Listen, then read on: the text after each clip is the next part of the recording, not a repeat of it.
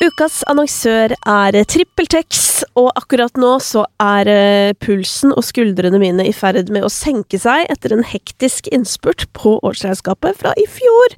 Fordi, ja, selv om alt ligger til rette for meg sånn at jeg enkelt kan holde styr i papirer og regnskap og den slags, så er det liksom alltid bitte litt som henger igjen sånn helt på tampen av året. Men heldigvis så har jeg nå tatt en skikkelig sjau og funnet alt som mangla av kvitteringer, sendt det rett inn i TrippelTex, og så er det altså orden på sakene. Og det som er så utrolig deilig, er jo at sånn hvis man har eksempel hjelp av en regnskapsfører, eller at vi er flere som på en måte jobber i regnskapet, så er det liksom så greit, fordi alt er tilgjengelig for alle. Så nå eh, driver jeg da og lener meg tilbake mens eh, de andre ferdigstiller og holder på, og det er deilig. Og så vet jeg jo at jeg har sjansen til å være enda bedre i 2024 og få enda litt mindre å gjøre et år fra nå, hvis jeg bare bruker TrippelTex-appen og gjør alt som ligger altså og venter på meg for å gjøre livet mitt lettere. Hvis du også har lyst til å teste og få deg et lettere regnskapsliv, så kan du prøve TrippelTex to uker gratis ved å gå inn på trippeltex.no – gratis.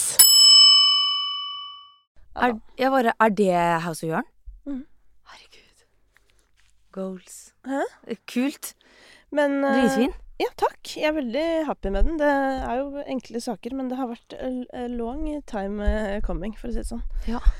Jeg har strikka den mange ganger. Ja, for du må strikke den selv? Eh, mann man, må ikke det, men jeg Nei. har jo strikka siden jeg var en baby, så Ja. jeg strikker selv. Det er kult. Mm. Det er veldig kult. Det har i hvert fall føles veldig sånn godt, fordi hvis Eller sånn, du vet Da har jeg Det er digg å ha te testa det, og gjennom Ja. Altså ha gjennomtesta det. Da vet du hva du snakker om når du Ja. skal vise det fram, liksom. Og apropos å liksom eh, branche ut i andre ting, eh, så jeg føler at liksom eh, Vet du hva, nå må du eh, Vi er i gang, altså. Ja, vi er i gang. Eh, nå må du rette på meg hvis jeg tar feil. Føler du liksom er i litt sånn utvikling som eh, offentlig menneske? At jeg er på vei ut i det offentlige? Nei, at du, at du som offentlig person Ja. er i en slags transformasjon. Og det er så bra du sier, fordi det er jo på en måte litt uh, det underbyggende planen, da. Ja, det er det. Ja. Hva er planen? Nei, vi Hva var det? Kanskje for sånn åtte måneder siden, da, så satte jeg meg ned med min manager, og så var vi bare sånn Nå føler vi at vi har på en måte kommet til et punkt der vi må gjøre noe. Ellers så kommer det til å liksom Det kommer sikkert til å bli fint, det òg, men da kommer det til å bare bli det samme. Så vi var sånn Nå må vi lage en Ingeborg 2.0-plan. Oi. Og det, det var skikkelig kult. Hva var det som fremprovoserte eh, at en Ingeborg 2.0-plan måtte til? Nei, det var bare det at jeg følte at sånn Nå Det føltes litt ut som det på en måte stagnerte litt på flere plan, egentlig. Både sånn privat og eh, i karrieren. Eh, det føltes Ja, jeg hadde jo for eksempel eh, gitt ut på eget label. Det har jeg egentlig gjort hele veien. Mm. Og gjør fortsatt det, men nå i januar så har jeg jo fått med Sony på lis lisensiering. Mm, men det føltes ut som at jeg trengte liksom flere folk inn i det òg. og så følte jeg at jeg sånn generelt måtte bare få litt mer tydeligere profil, da, sånn i forhold til stil og eh, Ja, også låter generelt. Ja. Så det, det var på alle plan, altså. Ja, hva, var det du, 2.0. ja, hva var det du måtte rydde opp i privat? For nå var du jo veldig på det offentlige. Nei, det, eh, altså, det ble jo slutt eh, mellom meg og kjæresten. Mm. Og det er jo en helomvending. Ja, det er en helomvending. Ja, Shit. så Men det Alt skjer jo for en grunn, da, tenker jeg. Så det, da ble det jo på en måte veldig fokus på mm, karriere. Ja, hvordan, men hvordan opplevde du det? Hva Er det på en måte også en slags lettelse på et eller annet nivå? Eh, altså, da har man jo på en måte 100% fokus på seg selv. Det høres jo veldig egoistisk ut. Høres jo Men- egentlig slitsomt ut. ja, ja, Skal vi se. Meg. ja. Nei da, men jeg mener at når man er på en måte i et forhold, så har man på en måte et, eh, eh, emosjonelt ansvar Mm. hele tiden. Og vi bodde jo i et eh, Eller hadde et avstandsforhold oh, ja. eh, hele veien, egentlig. ja. Så da har man jo nesten enda mer sånn Du må passe på sånn Hvordan går det med deg nå? Og det er vanskelig når man bor langt fra hverandre. Altså, jeg har prøvd det. Ja. So this I know. Ja. Nei, det, det Jeg klarte det heller ikke. Nei. Nei. Det, altså, de som får til det, da føler jeg sånn Da er dere You people, you are special. Altså, Ja. og så må dere jo digge hverandre helt insane mye. Men vi, det skal sies, vi var, vi hadde avstand i fire og et halvt år. Så vi gjorde det ganske godt. Ja, det, synes, det er jo dritimponerende. Herregud, men hvor lang var avstanden? Bare sånn for å sette det på kartet. Nei, det var Trondheim-Oslo, da. Ok, ja, Ja. Det, er ikke, det kvalifiserer ikke helt. Nei, det er Faktisk. ikke eh, Dere er i hvert fall i samme tidssone. Ja. Og det føler jeg har sinnssykt mye å si. For du kan prøve, prøve omvendt tidssone. Ja, for det var du i. Da snakker vi. Ja. Da snakker vi. Da er det sånn Jepp, vi kan bare snakkes Du vet sånn klokka ni på kvelden. Eller sånn. Og så bare Ja, jeg kan jo ikke være hjemme klokka ni på kvelden. Eller sånn hver dag, eller Ja. Nei, fader, det der ah, Det er en struggle. Men det er uansett det eh, med den avstanden du beskriver. Mm. Altså, avstand er avstand uansett. Og jeg tror sånn derre De derre eh, veldig De små menneskemøtene. Det derre eh, komme hjem og så bare legge seg, og så er kjæresten din hjemme. Mm. Og så selv om ikke du får snakka så mye, men det har sinnssykt mye å si for å holde forholdet gående, tror jeg, da. Ja, og så har jo Altså, siden jeg har vært med i litt sånn TV-program, og det har vært sånne ekstreme situasjoner for min del, og kanskje ikke så ekstreme situasjoner for hans del, på grunn av at han studerer og Ja, ja, ja. går, på en måte, Ja. eh, så har det vært litt sånn Vi hadde jo veldig forskjellige liv. Ja. Og så jeg er veldig sånn som ikke orker å snakke om hva jeg har gjort hele dagen på Stjernekamp, fordi jeg er drittlei Stjernekamp. Mm. og så Det er de ti minuttene han får med meg, og så lurer han kanskje på hvordan det har vært, da. Ja. Så ja. Men jeg ser tilbake på det som en veldig fin periode. Ja. Og så ble det jo masse fin musikk, da. ja, ja, det er jo altså sånn Det er jo for artister Det er jo det eneste folkeslaget som har godt av å slå opp litt en gang iblant, føler jeg. Fordi dere skriver jo sangene som vi andre skal høre på når vi slår opp. Eh, så det er sånn noen må, noen må ha de erfaringene i bagasjen på vegne av resten. Ja, Ja. det er det. Og det er jo kjipt å liksom skulle forsvare masse sånne tekster hvis det ikke har skjedd noe med deg selv, kanskje. Ja, så det føler jeg man hører. Ja, man gjør Ja, kanskje det. det er et eller annet Ja, det er liksom jeg, Nå kommer jeg ikke på noe sånn ultimate eksempel utenom Chris Holsten, men jeg føler eh, smilet i ditt eget speil Ja. um, er på en måte et av de fremste norske eksemplene på sånn Å ja, du synger om deg? Eller Ja. sånn derre Du hører uh, Altså, jeg hørte den første gang sånn fordi vi skulle ha en sånn her prat, Mm. uh, og så var den ikke ute, og så var jeg bare sånn Ja, jeg får høre på denne låta før den kommer, liksom. Og så fikk jeg sånn Altså, jeg fikk en fysisk, kroppslig reaksjon. ja. Eh, og det får man bare, tror jeg, da. Tror jeg. Hvis det er på ekte. Ja. Jeg tror ikke noen hadde klart å lure folk med det der. Nei. Nei. Jeg skjønner absolutt hva du mener. Ja. Enig. Men eh, ja, du var inne på Stjernekamp sjøl. Ja. Altså, folket ble jo kanskje kjent med deg gjennom det. Ja. Eller hva Ja. tenker du? Altså, eh, jeg var jo med i The Voice da i 2017, Ja, det stemmer. Men da gikk det jo fire år, og så ble det Stjernekamp. Ja. Så Hvor langt kom de til Voice, egentlig? Semifinalen? Å, det var såpass langt, ja. Ja. Det er et eller annet med Uh, Jeg veit ikke hvorfor Jeg har tenkt på det at jeg husker ofte ikke hvem som var i finalen og sånn i The Voice. Nei, jeg skjønner hva du Nei, mener. men hvorfor er det Men på Stjernekamp husker jeg det. Jeg skjønner ikke, men det er kanskje bare fordi jeg elsker Stjernekamp litt mer. Eller jeg vet ikke. Eller så er det noe med ehm, Nei, jeg veit ikke hva det er. Jeg har, tenkt, jeg har prøvd så oppriktig prøvd å tenke på det. Jeg tror litt det er at siden de som er med på The Voice ikke er kjente fra før, Ja. så er det litt vanskelig å koble sånn Å, hvem var, var det hun med den hunden? Eller Ja. sånn, Man klarer ikke helt å koble historien til mennesket. Ja. Mens på Stjernekamp så er det jo ofte litt kjente profiler, og da er det sånn Oi, shit. Tenk at Jorunn, da, ikke sant, Ja, ja. synger for første gang siden hennes eh, Siden krigen inni henne, da, Ja. på en måte. Og da er det mye lettere å, tror jeg, da engasjere seg som seer Mm. og huske det. Mm. Altså, ikke et vondt ord om The Voice, for nei, jeg ser på hver fredag og elsker det dypt og inderlig.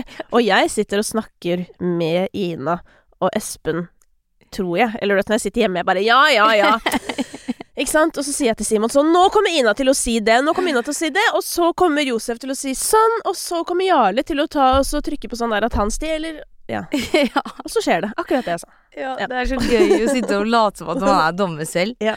Det skal jo du snart være, da. Er på Stjernekamp, ja. Ja, gøy. Gleder meg. Herregud. Åh, det er eh, Jeg har lyst til å være gjestedommer, jeg. Ja, har du det? Ja. Ja, det er bra. Da er det sagt høyt. Det Ja. skal meldes videre. ja, bra. Ja. Jeg har så lyst til å pynte meg og bare sitte og mene ting og ikke være nervøs.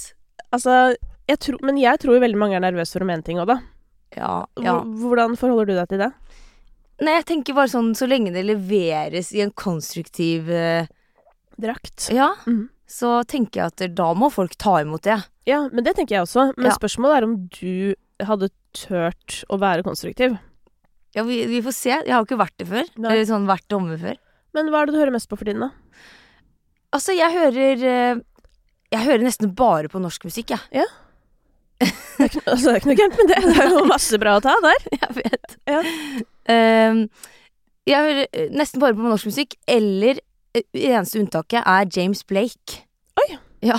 Yes. Det var jo ti år senere enn alle andre. Jeg vet, nei, men Han har liksom vært med meg siden sånn 2016. Ja, ikke sant. Men han begynte jo sånn 2005, da. Ja. Med sånne rare, de rare greiene i starten. Ja. Skal jeg si en gøy ting om James Blake? Ja. Han er den eneste jeg har hatt eh, ekte um, noia for å intervjue. Oh, Og jeg gruet meg så sykt. Uh, og jeg gledet meg så sykt òg, fordi han var jo Altså, jeg digger James Blake, men på dette tidspunktet så var han mm, ekte min favorittartist, liksom. Ja. Og jeg gruer meg, og jeg gruer meg. Og jeg har tenkt sånn, og jeg har forberedt meg, du vet, så jævlig, liksom. Og jeg kan jo hele, kunne jo alt inn og ut av musikken, så det var ikke noe sånn. Så møter jeg han backstage på Sentrum Scene, ja. og så vil han snakke om eh, gaming. Nei. Og jeg, jeg har aldri tatt i en konsoll. For jeg fikk ikke lov å game av pappa da jeg var liten. Ja. Så jeg har aldri gamet. Oh, Så du kan jo tenke deg hvordan den praten gikk. Skikkelig dårlig. Ha praten sin, da. Fy faen. Jeg har aldri er Verst. Det, verste. det, var, det gikk greit, liksom, men han ville altså Fordi folk vil jo stort sett ikke snakke om musikken sin. Det tilhører jo en sjeldenhet, føler jeg, at folk har lyst til å snakke inngående om musikken sin. Ja, Og så kommer en eller annen liten spirrevipp og bare Yes! uh, you know the song eh», Eller vet sånn. Ja, ja, ja. nei, nei. nei, nei. Oi, og Ja. han bare Bare gaming. da. Uff a meg. Uff a meg. Men nok om det. Han er jo ikke norsk. Hva hører du på av norske ting? Jeg hører på veldig mye Stig Brenner. Mm. Altså, jeg er så fan. Ja.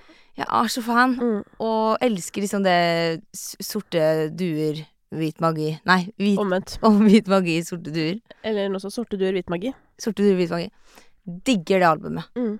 Skikkelig. Det kan jeg høre på hele Eller hvite duer, sort magi. Det er jo det logiske. Ja, hvite duer sort magi. Men nå har vi rota det så til at nå er det ingen av oss som kommer til fasiten her. Men ja, det, jeg, det er jo jævlig bra. Ja, Hva er favorittlåta, da? Eller har du det går, det går litt på uh, variasjon, altså. Ja. Um, Jeg kan se for meg at du står hjemme på kjøkkenet og synger fri mens du kapper opp noe agurk. jeg er fri Nei. Ja. Eh, ja, jeg er veldig glad når alt ikke er nok. Ja. Den er fin. Også hvis jeg er in the mode, så er jeg jo veldig glad i eh, den eh, Sort magi. Ja. Den nå er en banger. Ja. Ja, Men også så hører mye på Emilie Nicolas. Mm. Veldig glad i henne. Ikke sant? Ja, hun er god. Jeg tror bare det kommer noe kaffe til deg her, Ingeborg, så det er bare å ta imot. With Tusen open takk. arms. Eller With arms wide open. Husker du den sangen? Hvem var det? Nickelback eller noe? Den tror jeg ikke jeg husker. Nei, du er for ung. Men uh, det var noe jævlig greier fra back in the days. Det. uh, dere gikk på en måte glipp av den grusomme rocken, ja. Mm. Ja, men det var greit. Men uh, det jeg skulle For, for jeg ser for meg også at du, du hører Du hører, følger litt mer på Topp 50 og sånn, eller? Ja, ja. Ikke sant? Er det noe der du ikke liker så godt? Mm, jeg, jeg hører jo ikke på sånn russemusikk og sånn. Ikke sant? Jeg gjorde jo det da jeg var russ. Ja. Men eh, jeg hører ikke på det på trening eller Ja, ikke på fest heller. Hvis ikke jeg er kjempefull. Mm. Da liker Da- jeg det godt. Ja, ikke sant? Ja. Fordi at eh, når du da ikke er full, hadde du klart å komme med noe konstruktiv tilbakemelding på russemusikken? Uh, så, så nå Ja. Nei, eller bare ja. sånn generelt sånn Nei, altså, jeg bare Det er ikke helt min greie, bare. Nei. Eller jeg føler ikke så mye. Og jeg er veldig sånn som når jeg skal høre på musikk, så skal jeg føle noe. Oh, ja. Ja. Har du ikke hørt om bruksmusikk? Som man bare bruker. Men når du er på trening, hva skal du føle da, liksom? Nei, da skal jeg bare høre på sånn house. Ah, ja. Husker jeg sendte, eller laga sånn TikTok som du svarte på. Og så Ja, spurte ja, jeg sånn, jeg må ha sånn ja. house Ja. club. Deep club. Ja. Deep, til og med. Ja. Du skal ha deep house på trening. Ja, det, blir, det blir for monotont for meg. Jeg, Ja. jeg elsker liksom Becky Hill, eller du vet sånn Ja. Uh, Ja, altså Bed, da, med Joel Corey og David Guetta og Becky Hill. Det Ja. er jo liksom Det blir jo ikke mer trening enn det. Jeg vet. Ja. ja, det kan jeg være skikkelig glad i. Eller Sigala og Becky Hill med Wish You Well. Åh. Ja, jeg jobba jo på Sats, vet du, i 2019. Som resepsjonist. Å ja, og for da ble jeg som du jobba på Sats i, i ett år. Eller jeg har jobba på Sats i 20 år, så jeg syns det var rart at du, hadde, at du jobba der i 2019. ja, hvorfor det? Hæ? Hvorfor, fordi Hvorfor jeg jobba der? Nei, Eller- hvorfor du syntes det var rart at jeg Jo, for jeg tenkte at det var så rart hvis du bare hadde For jeg umiddelbart tenkte at du også var instruktør, så syntes jeg det var så rart at du hadde vært i ett år bare. Ja. Så tenkte jeg sånn, det var veldig rart. Ja, Jeg var ute og så rett ut. ja men du jobba i resepsjonen. Jeg jobb- jobba i resepsjonen, um, og da var jo den, den der, I Wish You Well, den gikk på repeat. Ja. Og Eh, den er veldig irriterende når den er lavt i bakgrunnen. Ja. Ja. Så, eh, og så, de der satsspillelistene, de kan man bli gæren av. Ja. Å høre 24-7. Og så er det ikke lov til å ha Fordi når du Herregud, dette er en liten greie om sats, men Ja. når du er resepsjonist, så må du også vaske. Ja, Og- altså når du er instruktør, må du også vaske. Det er derfor jeg ikke er det lenger. Er ikke det utrolig Det spesielt? skjer ikke. Det er ikke greit. Ikke for å være, ikke for å være kvalm, men nå har jeg fått meg bad med lyse fliser. Og jeg har aldri sett så mye møkk i hele mitt liv. Så nå må jeg plutselig drive og vaske masse hjemme. Jeg skal i hvert fall ikke vaske på når jeg er instruktør. Nei, der går grensa. Nei, det blir veldig off-brand, altså, å skulle plutselig begynne å vaske Nei, nei. Men eh, i hvert fall, det som er rart, er at den, du får ikke lov til å, å høre på podkast eller noen ting når du vasker, Nei. fordi du skal være tilgjengelig Ja, for du er jo på en måte egentlig i resepsjonen. Ja, Ja. du skal være like hyggelig da når du vasker den mølla, på en måte. Ja. Så da sto jeg liksom i tre timer da og hørte på satsspillelistene. Mens du gnikka på mølla. Ja. Ai, ai, ai. Ja. Nei, sånn kan det gå. ja, sånn kan det gå. Men hvorfor er ikke du instruktør? Eh, det er fordi at jeg ikke har hatt tid til det. Jeg skulle jo bli det rett før covid. Oh, ja. Eh, jeg var på vei nesten inn på en audition på en måte til å bli sånn løpeinstruktør. Ja, Men så kom covid, og så ble det bare mer og mer musikk. Heldigvis, da. Men hvis eh, jeg Ja, det skal du faktisk ikke si, for det, vet du hva? Nå som jeg ikke har timer akkurat nå, da, det kan hende jeg må jeg, jeg må begynne å ha det igjen. Jeg Ja. må bare finne ut hvor det skal være. Men det som er, er at uh, den um, energien man får av det, å være i det rommet med andre mennesker og høre på musikk sammen og være i fysisk aktivitet, mm. det er peak mental helse. Sånn Ja. oppriktig. Og nå som jeg ikke har det i livet mitt lenger, så merker jeg Jeg merker forskjell på meg. Oi. Hvis du skjønner? Jeg Ja. pleier å kalle det treningsinstruktørselvet mitt, da. Eh, det er en egen eh, personlighetsavstikker jeg har. Ja. Og hun er eh, veldig jovial. Og hun er, hun er akkurat som meg. Hun er, det er jo meg, liksom. Men det bare er en meg som ikke passer inn så veldig mange andre steder. Og som jeg digger. Ja. Jeg digger det, men jeg ikke, jeg ikke være, jeg trenger ikke å være gæren. Ja. Altså, skjønner du? Det er noe med tid og sted. Fordi en treningsinstruktør er jo litt intens. Ja. Ja. Og det kan jeg ikke være. Ah, På jobben. Gøy. Ja, Ja. fordi alle har jo liksom masse versjoner av seg selv, og da, da liksom Da detter du inn i den versjonen av deg selv som du liker veldig godt, men den passer ikke inn Nei, det, så veldig mange steder. nei, for den er slitsom. Men Ja. den er perfekt en time. Ja. Og den er veldig motiverende, tror jeg. Ja, ja, ja. Men, eh, men så, kan, så sier vi takk for i dag, og så går vi hjem. Og det elsker jeg også, for jeg elsker løse relasjoner. Ja. Sånne mm, Jeg elsker nære relasjoner også, altså. Eh, de midt imellom, de er ikke jeg så god på. Jeg er god på helt inntil, Mm. eller litt lenger der borte. Mm. Og de som går på timen, som bare du vet, har gått på Det er jo litt det samme for din del òg, sikkert. Hvis du har noen faste timer du går på, så er det liksom de samme folka. Ja. Og den derre hei, hei hver mandag kveld, liksom, for meg Ja. Altså Jeg, jeg får gåsehud når jeg snakker om det, for det så mye betyr det for meg. Det er som hun som jobber på Kaffebrenneriet. Ja. ja, Eller alle de, egentlig. Elsker de òg. Ja, men jeg skjønner akkurat hva du mener, for jeg har vært litt sånn inn og ut av en crossfit-boks. Ja. Og der òg er det jo sånn de samme menneskene som klapper deg på skuldra, men du vet nesten ikke hva de heter, på en måte. Nei. Men du har sett dem i mange år. Ja, og du vet at sånn der Nå har du vært på ferie i tre uker. Ja. Trenger ikke å vite mer enn det. Nei. Det er sånn God ferie til deg! Ja. Og hyggelig å se deg igjen. Skikkelig. Elsker det. Det betyr mye, altså. Ja, og så i løpet av en i løpet av fire uker, da, så har du faktisk sett dem hver dag én gang i uka. Ja. Det er ganske mange ganger i løpet av et år, da. Ja, det er jo fort mer enn du ser familien din nå. Tenk Ja. litt på det. Faktisk. Tenk litt på det. Ja. Men um, men eh, ok, så nå kommer jo det tren, Du driver jo med trening. Du har drevet og testa treningssenteret på TikTok og sånt. Ja. Hørte det til Ingeborg 1-0 eller 2-0? Det er nok 1-0. Ja. 0-1. Nei, 2-0. 1-0. Men Ingeborg 1-0 var jo kanskje en Ingeborg som på en måte TikTok elsket Ja. høyere enn 2-0. Ja, det, du sier noe der. Ja. Og det er jo på en måte litt sånn uh, indre konflikt. ja, det er det. Det er det. Ja. Fordi at uh, Jeg merker på en måte at mine følgere på TikTok vil jo ha den derre morsomme som kanskje ikke snakker så mye om musikk, på en måte, men som gir de tips om ting og er overalt, er dritblid, eh, er out there, på en måte. Mm. Men samtidig så vil jo jeg egentlig få de til å skjønne at jeg vil jo helst drive med musikk, eh, og, og kanskje ikke bare Jeg syns noen ganger kan være litt for privat, da, å plutselig skulle filme liksom det, på soverommet mitt, og plutselig skal folk vite hva jeg har i toalettmappa. Eh, så det har vært liksom litt vanskelig å finne en balanse på det. Men hva skjedde før da, når du på en måte delte eh, helt fritt, nesten, da? Sånn skjedde i forhold til Ja, altså, da, hva, hva var annerledes før? Nei, det, det var bare at da tenkte jeg Altså, du ser jo at du vokser følgere på det. Og man tenker bare nå får jeg bare makse ut dette, og så konvertere de over til Spotify etter hvert. Mm. Det er jo det som egentlig har vært hele planen eh, helt fra jeg starta med TikTok. Det var jo i 2020.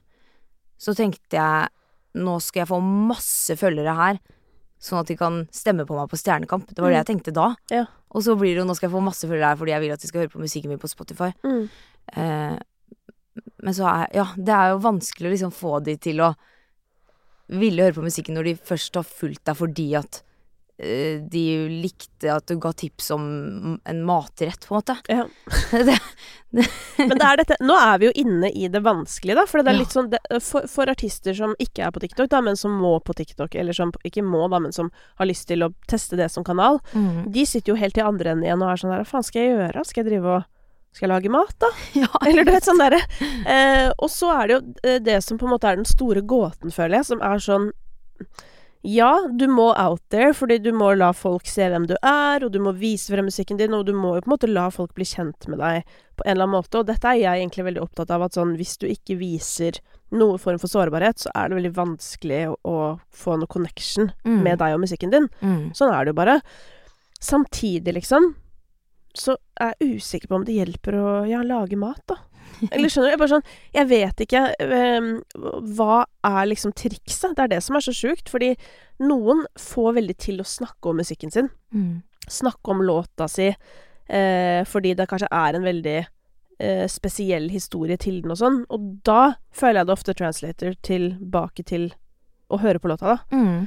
Men det Mm. er faen meg en gåte, altså. Ja, og så føler jeg at det, det er liksom ikke noe fasit på det heller. Nei. Det er ikke en sånn håndbok du finner på bokhandelen som står sånn Her, lag en TikTok og konverter de over til Spotify. Eh, så jeg, ja, men jeg føler på en måte at jeg har begynt å finne liksom balansen på det nå, da. Mm.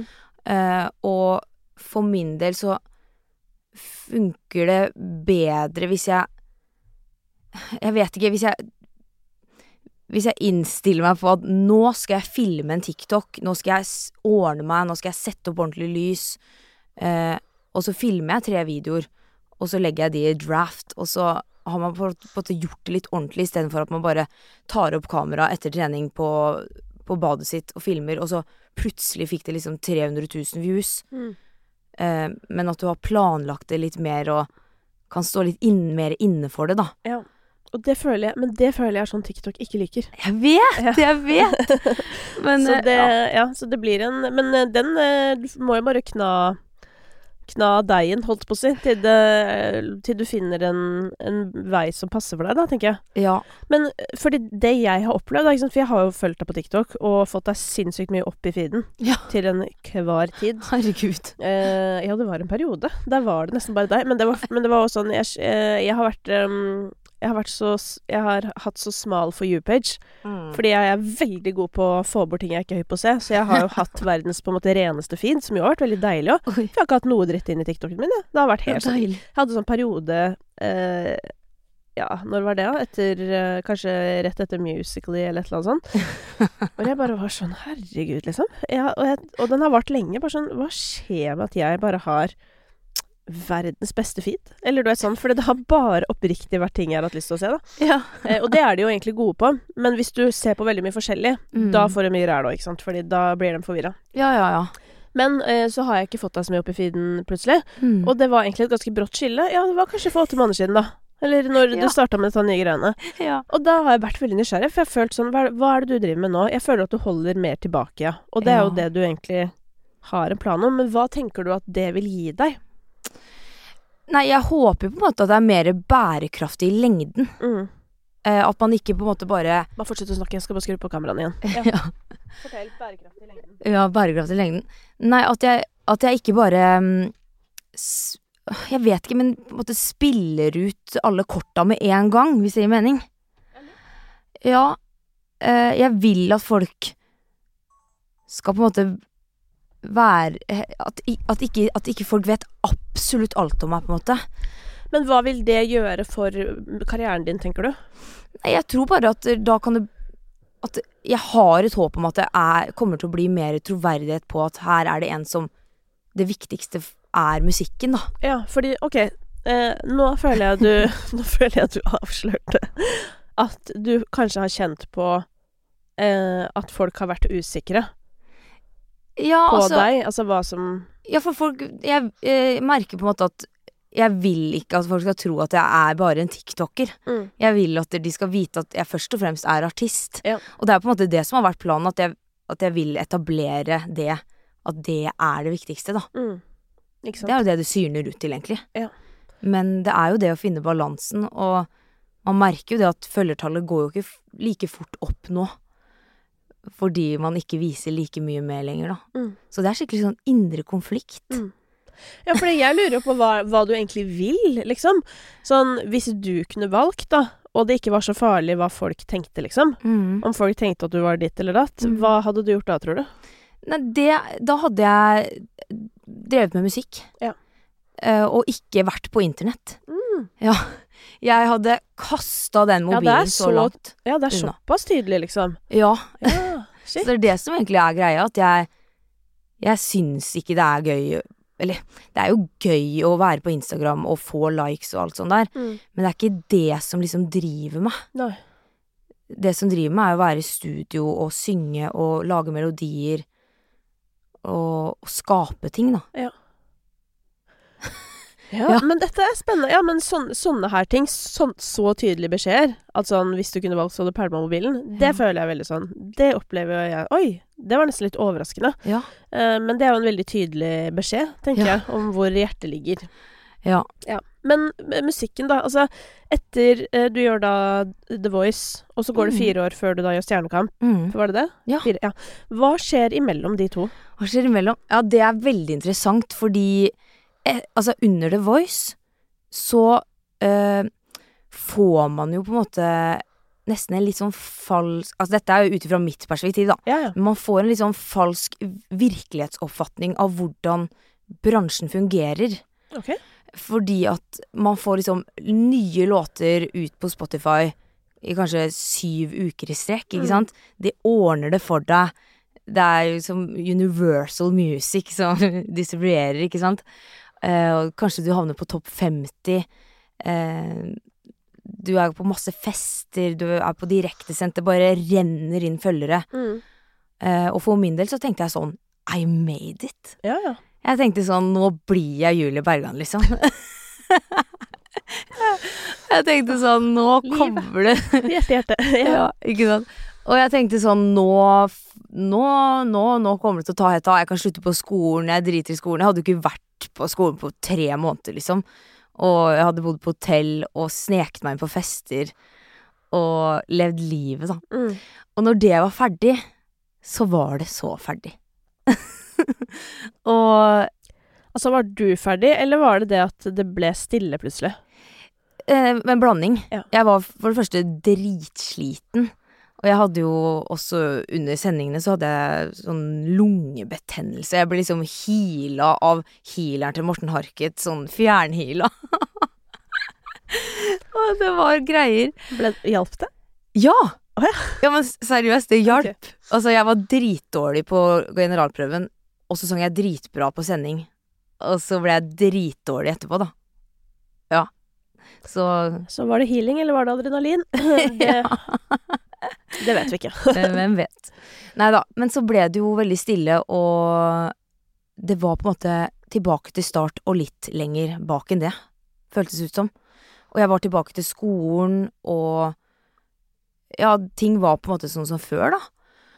Og Den er nedtur. Skolen. Å, fy søren, det var nedtur, altså. Nei, men der var det på en måte for litt, kanskje litt sjalusi og Hvem er Du må ikke komme her og tro at du er noe nå, på en måte. Eh, nei, så da var det liksom hard jobb og tilbake til start. Jeg trodde jo sånn Er det nå jeg får låter i posten? Hva er en session? Ikke sant? jeg visste ingenting. 17 år øh, fra Skjeberg, på en måte. Så da var det på en måte fire år. Og så tenkte jeg Jeg har jo drevet mye med teater også. Mm. Eh, så jeg la egentlig musikken litt på hylla. Mm. Tenkte sånn Det skal mye til for å liksom klare å drive med dette. Ja. Og så har jeg aldri liksom viba helt med å synge på engelsk heller. Og da visste jeg ikke at jeg hadde lyst til å drive på norsk. Så jeg begynte på Romerike folkehøgskole og tenkte at nå skal jeg bli skuespiller. Og bare gjøre teater. Mm. Jeg tenkte jeg skulle bare gjøre Ibsen på Nationaltheatret, liksom. Yes. Ja. Det tenkte jeg. Det er også spennende. Ja. Ja. Eh, og så var det det, og så jobba jeg på teater i Kristiansand og var skikkelig inne i det. Mm. Og så kom covid, og så fikk jeg spørsmål om Stjernekamp. Og, og så bare rulla den ballen, da. ja, men da du fikk det spørsmålet, hva tenkte du da? Da tenkte jeg yes! Ja, du gjorde det. Ja, Så du visste med en gang at du skulle gjøre det. ja for det har jeg hatt lyst til hele helt siden det starta. Ja. Fordi jeg syns det er spennende med sjangerne, og Mm. følte jeg hadde liksom litt å vise fram at jeg Ja. kunne klare det til en viss grad, da. Ja, ja. Så Det ja. klarte du jo til en ganske stor grad. ja. takk. Nei, det var gøy. Nei, det var eh, Ja, det er eh, Det er et jævlig gøy program, altså. Nå, nå er det sånn, Når jeg sier det nå, så høres det ut som jeg er inhabil, men det er sånn Jeg har jo alltid Jeg har alltid syntes det. Ja, Herregud. det vet jeg. Men um, eh, men så, ikke sant, så, så er du jo med der. eh, og på, bare sånn for å klare da, på dette tidspunktet, eh, når du er med i Stjernekamp, har du da noe tydelig liksom plan for videre karriere? Mm, ja, altså, jeg, eh, jeg Jeg har jo Samtidig som jeg da for I 2020, da, tilbake til 2020, så eh, får jeg spørsmål om det, og parallelt da så begynner jeg å gå i studio og ha sessions og begynne å skrive på norsk. Um, for under covid så bare roa det seg så sykt. Og så Ja. var det som at jeg bare fant eh, den skrivegleden, da, Mm. og klarte å på en måte skrive på norsk. For jeg har alltid følt i meg at jeg har lyst til å, å skrive, men jeg har ikke helt klart det. Og vært helt klar og moden for det før da. Eh, så da begynte jeg med det parallelt, og så tenkte jeg sånn Nå må jeg liksom utnytte Stjernekamp og gi ut musikk, sånn at folk eh, oppdage meg og oppdage musikken samtidig, da. Mm. Så det var jo første låta jeg ga ut, var jo i slutten av Stjernekamp der. Eh, så, så da Da hadde jeg vel et håp om at dette kan kanskje gå. Mm. Mm, men det er ikke nå før liksom Ja, siste kanskje åtte månedene her, da, at jeg virkelig har tenkt sånn Dette, hvis jeg kjører på nå, så kommer det her til å gå. Ja. Så først nå du har fått troa? Nei, jeg har jo alltid hatt troa, men nå har jeg virkelig troa på at jeg kan bare gjøre musikken, Mm. og at det kan stå støtt i seg selv, da. Ja. Hvorfor tror du det nå, først nå, tror du? Jeg vet ikke, jeg bare føler at jeg liksom har funnet ut hvor, hvilken vei jeg virkelig vil, Mm. og øh, Og bare forstått at det er det her som er viktigst, da. Mm. Ja.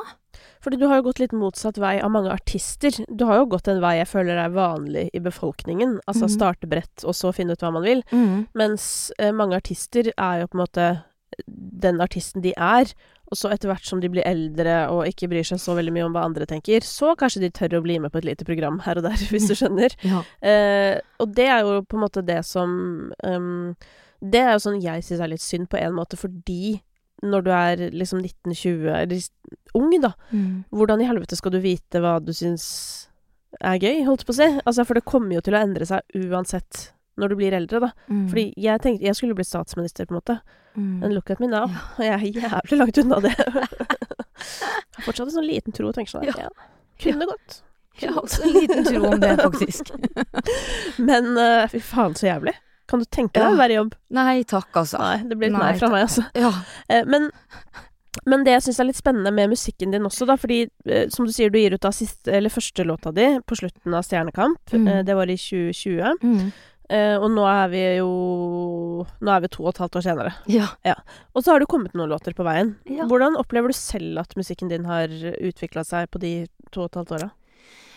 Mm, altså, den er jo Det er jo på en måte fortsatt samme sjanger. Mm. Det er jo norsk, og det er jo pop. Nå har det blitt litt mer R&B, faktisk. Og det syns jeg er dritgøy. Uh, fordi jeg er såpass fan av Stig Brenner, så jeg, jeg blir så inspirert. Det du prøver, er bare å få til en duett med Stig på et tidspunkt? Jeg skjønner. Ja. Ja, Da må du lære deg gaming, så du kan ha en inngang. ja Han er sant? veldig ga gamer. Han er det, ja. Mm. Ja, Der mister han meg litt, men ok. Ikke sant. Ja, ja. Nei, men da får du treffe han på noe annet. Eh, ja, nei, så jeg også er jo, syns jeg jo at eh, låtskrivingen har blitt bedre òg, da. Mm. At, eh, det har jo gått to og et halvt år, på en måte. Så har jo vært en del sessions siden det. Men hvordan altså, Sessions, da, altså når dere driver og møtes og lager sanger, Ja.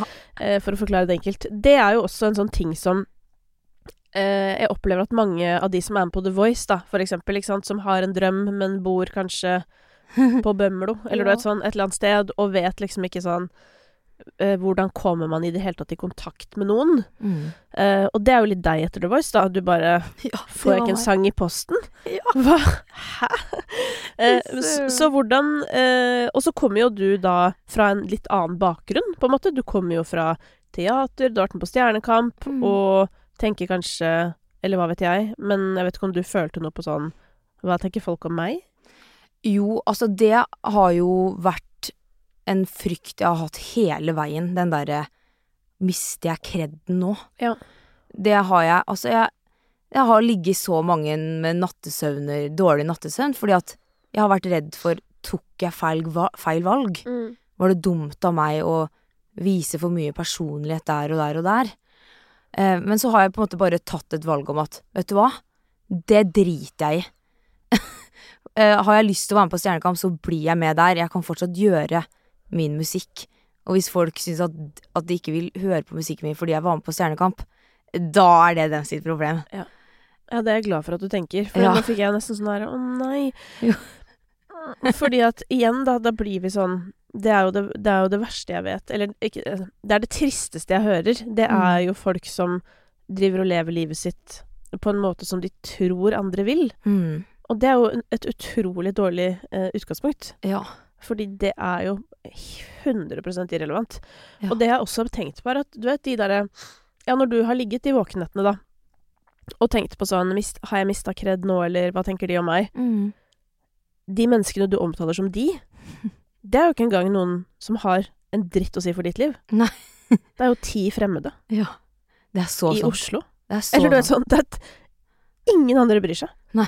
Alle andre, og til og med de bryr seg ikke. De som snakker om sånne ting, føler jeg, da, det er jo folk som ikke har noe bedre å gjøre. Ja. Eller du vet sånn Det bare er så rart hvordan vi henger oss så sykt opp i andres meninger. Ja. Og så er det ikke engang noen mennesker som betyr noe i livet vårt. Ja. Det er så sant. Altså, jeg tenkte sånn Du, jeg kan ikke sitte på loftet, loftsleilighet på Grünerløkka og gjemme meg bort, eh, på en måte, og ikke tørre å gjøre TV-programmer når jeg syns at det er så gøy. Da, ja, da kan Da kommer folk til å vite, flere folk å vite hvem jeg er. Mm. Eh, Og det er jo bare bra for musikken, på en måte. Mm. Og, og nå sett i ettertid så er jeg bare kjempetakknemlig for at jeg gjorde det, og glad for at jeg fulgte liksom hjerte- og magefølelsen, da. Ja. Men jeg har det samme med, med, ja, med Apropos genseren jeg er- er ikledd i dag. Ja. Eh, så er det sånn eh, strikking og egentlig generelt håndarbeid, snekring, alt sånn. Det er sånn Det har interessert meg siden jeg var eh, Siden jeg kan huske, da. Mm. Jeg holdt på med det alltid. Og det å på en måte prøve å gjøre strikkingen til noe mer, da, eller til eh, noe jeg jobber litt med, Mm. det har på en måte vært i hodet mitt kanskje de siste fem-seks åra. Og jeg har Altså, jeg har typ sånn 40 prototyper på diverse plagg hjemme. Hei. Som også er veldig mye mer avansert enn dette, men ja, la oss begynne enkelt, holdt på å si. Ja. Og så Etter hvert som jeg begynte å liksom så, så det var jo starten, at jeg lagde masse greier. Sånn at jeg hadde produktet, hvis du skjønner. Ja. Og så når jeg da for sånn tre år siden begynte å gjøre research på sånn uh, garn, for jeg hadde egentlig lyst til å gjøre alt selv, um, så var det en lang prosess. Men i den prosessen så tok jeg meg selv hele tiden og sånn ah, Hva kommer folk til å tenke nå? Liksom sånn jeg, Folk veit jo at jeg, eller de som følger meg, vet jo at jeg strikker, liksom. Sånn der, skal det plutselig bli en del av noe av det jeg gjør? Aff, da blir folk Det, det syns folk er rart, fordi jeg driver med musikk og så Eller skjønner du? Ja, ja. Til, til og med jeg, da. Og jeg sier til og med fordi jeg bryr meg egentlig ikke så mye sånn faktisk. Mm. Men jeg tok meg selv i det. Mm. Og det holdt på å stoppe meg, liksom. Ja. Og det er helt sykt. Ja. Og tenk i hvilken grad det da stopper de som faktisk er veldig redd for hva andre tenker. Ja. Ja. Det er, det er så mange som sikkert har blitt stoppa på veien av de tankene der, da. Ja, og også sånn føler jeg sånn Både i musikken Mm. Der tror jeg jo at det er et stort hinder for kreativitet. Heldigvis har det blitt annerledes nå. Men da jeg lagde musikk, Ja. back in the back in the days, så var det jo sånn Da kunne man gå inn i studio, og så fant vi på en nice melodi, og så Mhm. var det bare sånn Nei, det ikke, det folk kommer til å synes det er wack. Som det var det ordet vi brukte da. Og så lagde vi aldri engang sangen ferdig. Og det var sånn Altså, tenk deg hvilken kreativitetsdrepen det er, liksom. Ja. Å, herregud, det kan jeg se for meg å sitte liksom der og bare Jeg tror ikke dette blir noe. Ja, og så er det litt sånn med å sånn derre Å, vi har ikke nok gründere i Norge som er kvinner. Så er det sånn Nei. Det er jo fordi du på en måte ikke skal tro at du er noe, da. Eller du vet sånn derre Så det, der også føler jeg mange bare stopper før de har begynt. Ja. Eh, som jo er veldig synd, fordi hvis det er ett sted du på en måte lett kan tro at du er noe, og du bare kan prøve noe, og så er det samme faen om det går til helvete, så er du jo her. Ja. Fordi du kan gå på Nav, liksom. ja. I Norge. Eller få masse penger fra Innovasjon Norge, eller du vet sånn. Ja. Det er tusenvis av muligheter. Ja, ja, ja. Ja.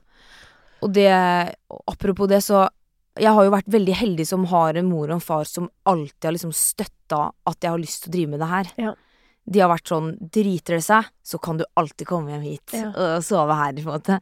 Og når man har den grunn... eh, Hva heter det? Grunnstøtten der, da. Ja. Så er, man, er jeg ikke så redd for å liksom satse på det heller, da. Nei. Nei, nei, og så kan man jo få seg jobb.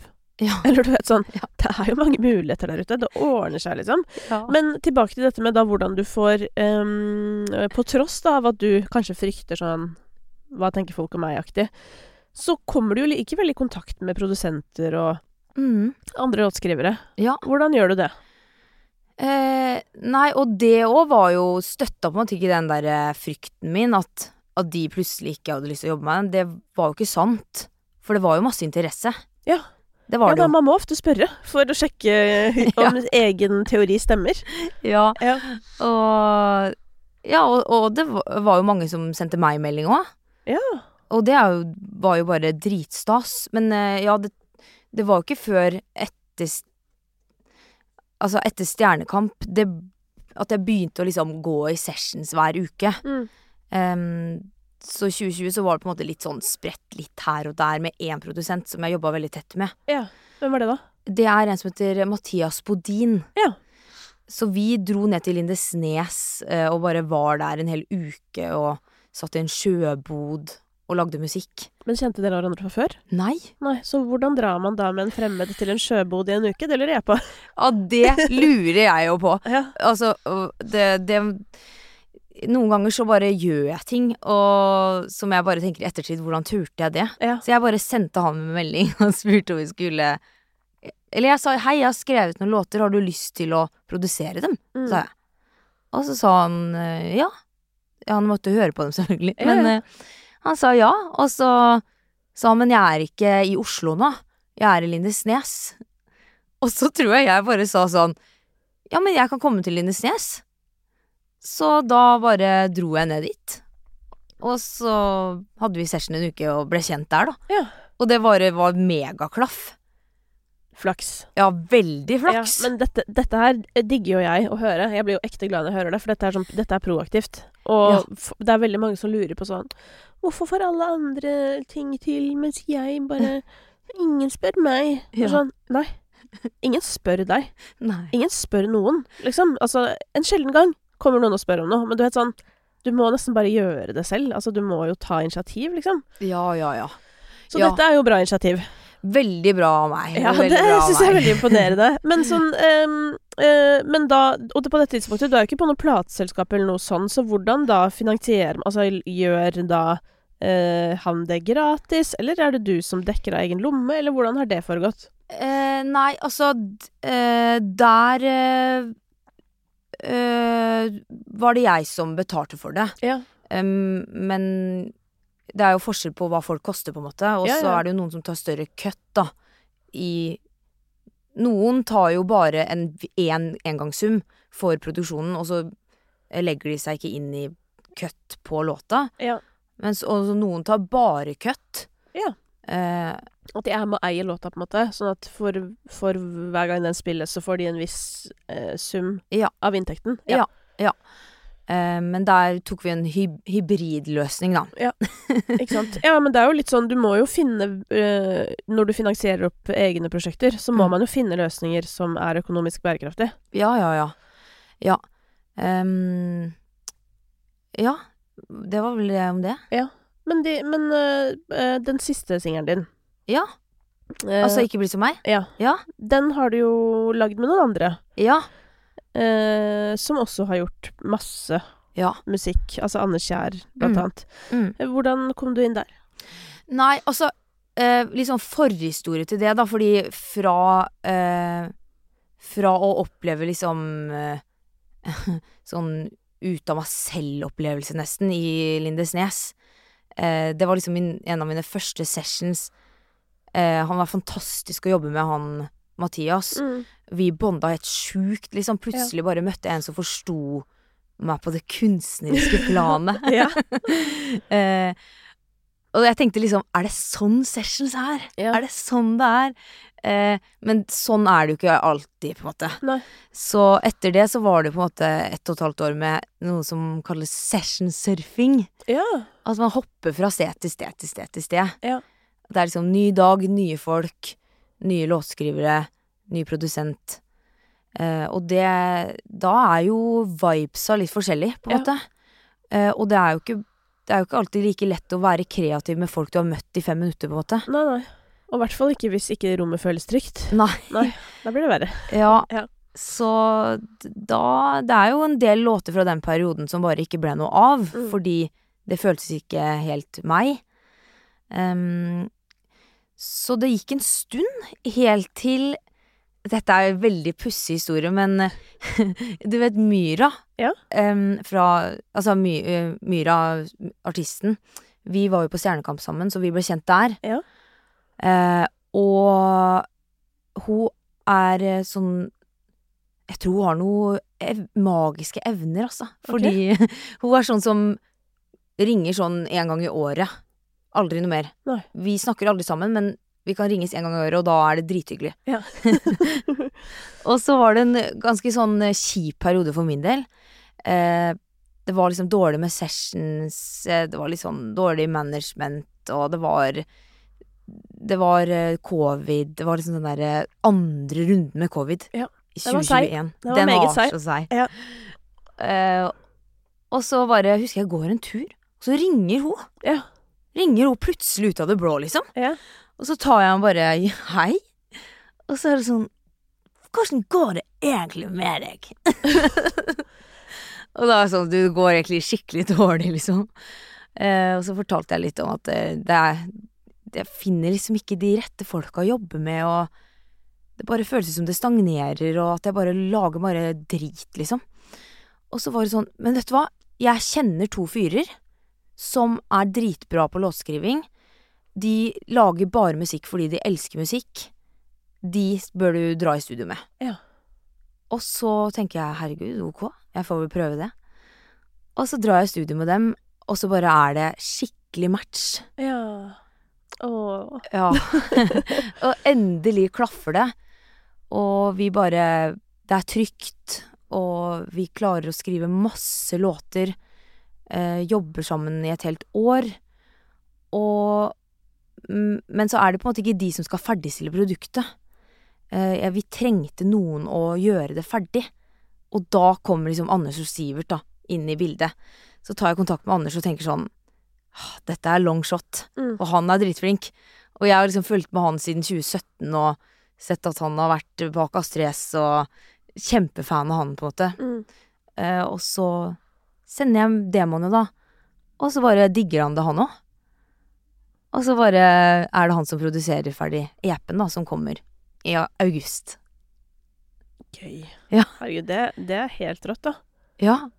Er ikke det liksom rart hvordan ting bare Jo, men vet du hva, det er det her jeg føler nå, at noen ganger så må man altså stole på at uh, verden også vil deg vel. Eller Ja.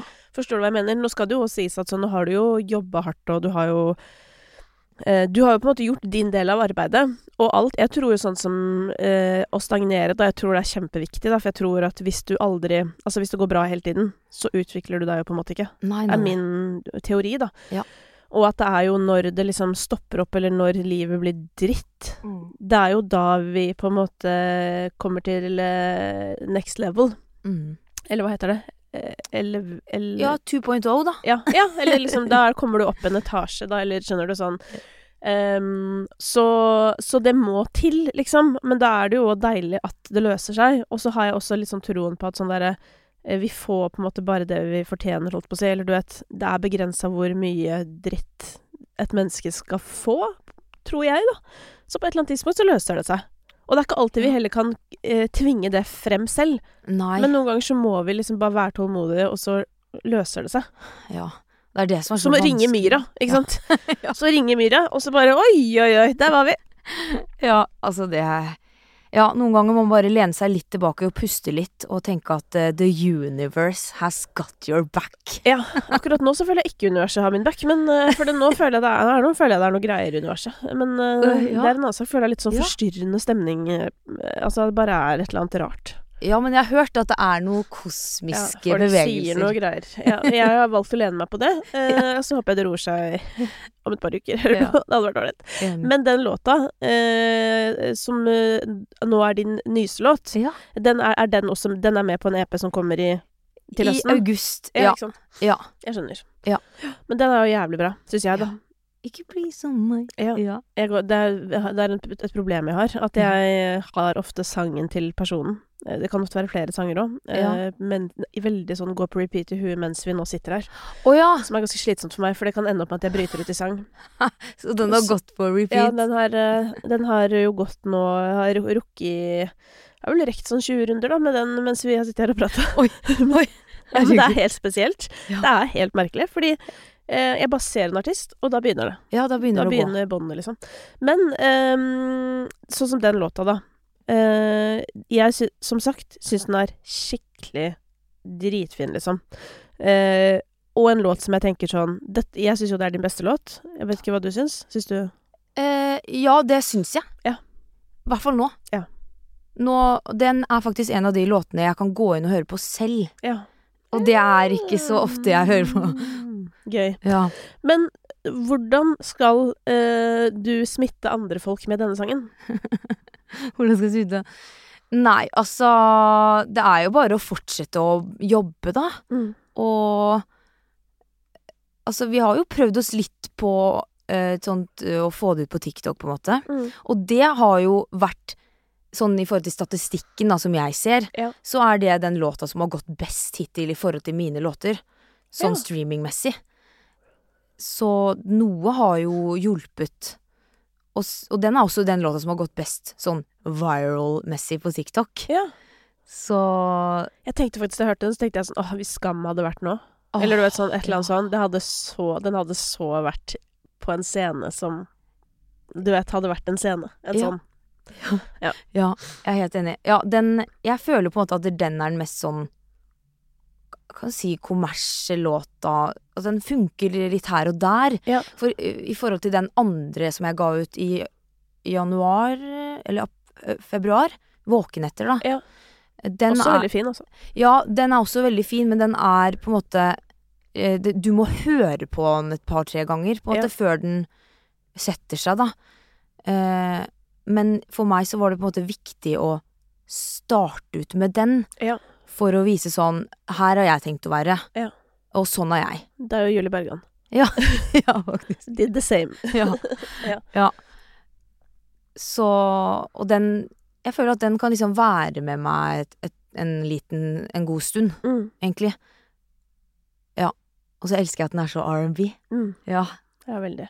Ja. Jeg føler, jeg syns jo um, jeg, jeg skjønner jo at produsenter har lyst til å jobbe med deg, for du har jo en veldig spess stemme.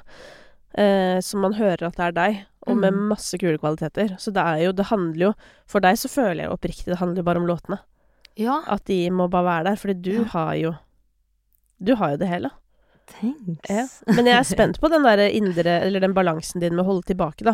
Ja. Um, den er, jeg er spent på hvor, den, hvor vi ender der. ja, det er jeg jo. Ja. Uh, så Men du sa jo det der òg, du Før vi avslutter nå, for at du Ja. sa jo også det der at ja, folk tror du er sånn og sånn, og så nevnte du bli hele tida. Ja. Um, men hvordan opplever du deg selv? Altså sånn hvordan jeg egentlig er. Ja, eller er det forskjell, liksom? Det er egentlig veldig forskjell. Ja, det er det. Ja, det er det som på en måte Sånn, sånn som de rundt De mine næreste, da, som Mm. kjenner meg, eh, så er jo jeg egentlig en litt sånn eh, Litt sånn tenkende, litt sjenert, rolig, eh, sensitiv type. Mm. Eh, og så har jeg kanskje offentlig eh, Hva heter det når du eh, Ikke ta Altså Å, jeg finner ikke det ordet, men du vet når du på en måte eh, Skal du frem til fremstilt, eller skal du frem Mm, til blitt oppfatta som? nei, men du vet når du liksom tar på deg en rolle for å dysse ned det andre. Ja, ja, ja. Det er lettere å gå dit, da. Ja, altså det er Fordi når jeg egentlig da kommer inn på en TV-sending eller noe sånt, så er jeg egentlig dritsjenert og vil bare egentlig gjemme meg bort. Mm. Men så går jeg heller for å være den, den som er ekstra mye og eh, glad, smiler, tuller, ler. Fordi det er lettere, da. Ja. Eh, og offentlig så har jeg på en måte valgt å være den. Ja. Mens i musikken og privat så viser det en helt annen side, fordi det er jo egentlig den jeg egentlig er. Ja. Og det er sikkert derfor jeg da syns det er mer og mer eh, rart å vise fram den, den som er så tullete å bli hele tida på internett, når, når det på en måte bare er 10% av den jeg er, da. Ja. Det her er jo en sånn Og dette er jo en, en klass, veldig sånn klassisk eh, problemstilling, fordi Mm. plutselig så løper de ti prosentene, og det du har gjort der, det løper liksom foran deg. Og så er folk sånn her Herregud, Ingeborg Walter er dritlættis. Alltid sånn. Eller du vet sånn. Også, du er jo det også. For vi må jo ikke ta det fra deg. Det er jo ikke Nei som om du ikke er det. Men det er jo det at når da avstanden mellom det folk oppfatter, mm. og måten du ser deg selv blir stor, så blir det jo også vanskelig å være deg. Ja, altså sånn Jeg må bare finne balanse på det. Og jeg, det er ikke det at jeg ikke har, har noe mot å være det. Jeg kommer sikkert til å fortsette å være den på TV, for man merker jo at det funker bra. Ja. Og folk eh, bak, rut, bak ruta, de der hjemme, da, syns jo det Folk liker jo å se en blid jente, på en måte. Ja. Um, men så Jeg Jeg Hva heter det? Jeg feeder veldig godt på også å vise folk at jeg har flere sider, da. Ja, det Ja. blir jo vi glad for òg. Ja. Det er jo det. Du blir jo et helere menneske. Ja. Og det er, jo, det er jo Jeg tror jo at det å vise en større bredde Men det er jo også sånn som er gøy å se på TikTok, tenker jeg. da Sånn Tenk hvis Altså sånn videoer av deg som snakker uten at du har ti av ti energi, hvis du skjønner. Ja. Det er jo bare med på bare Å ja, shit.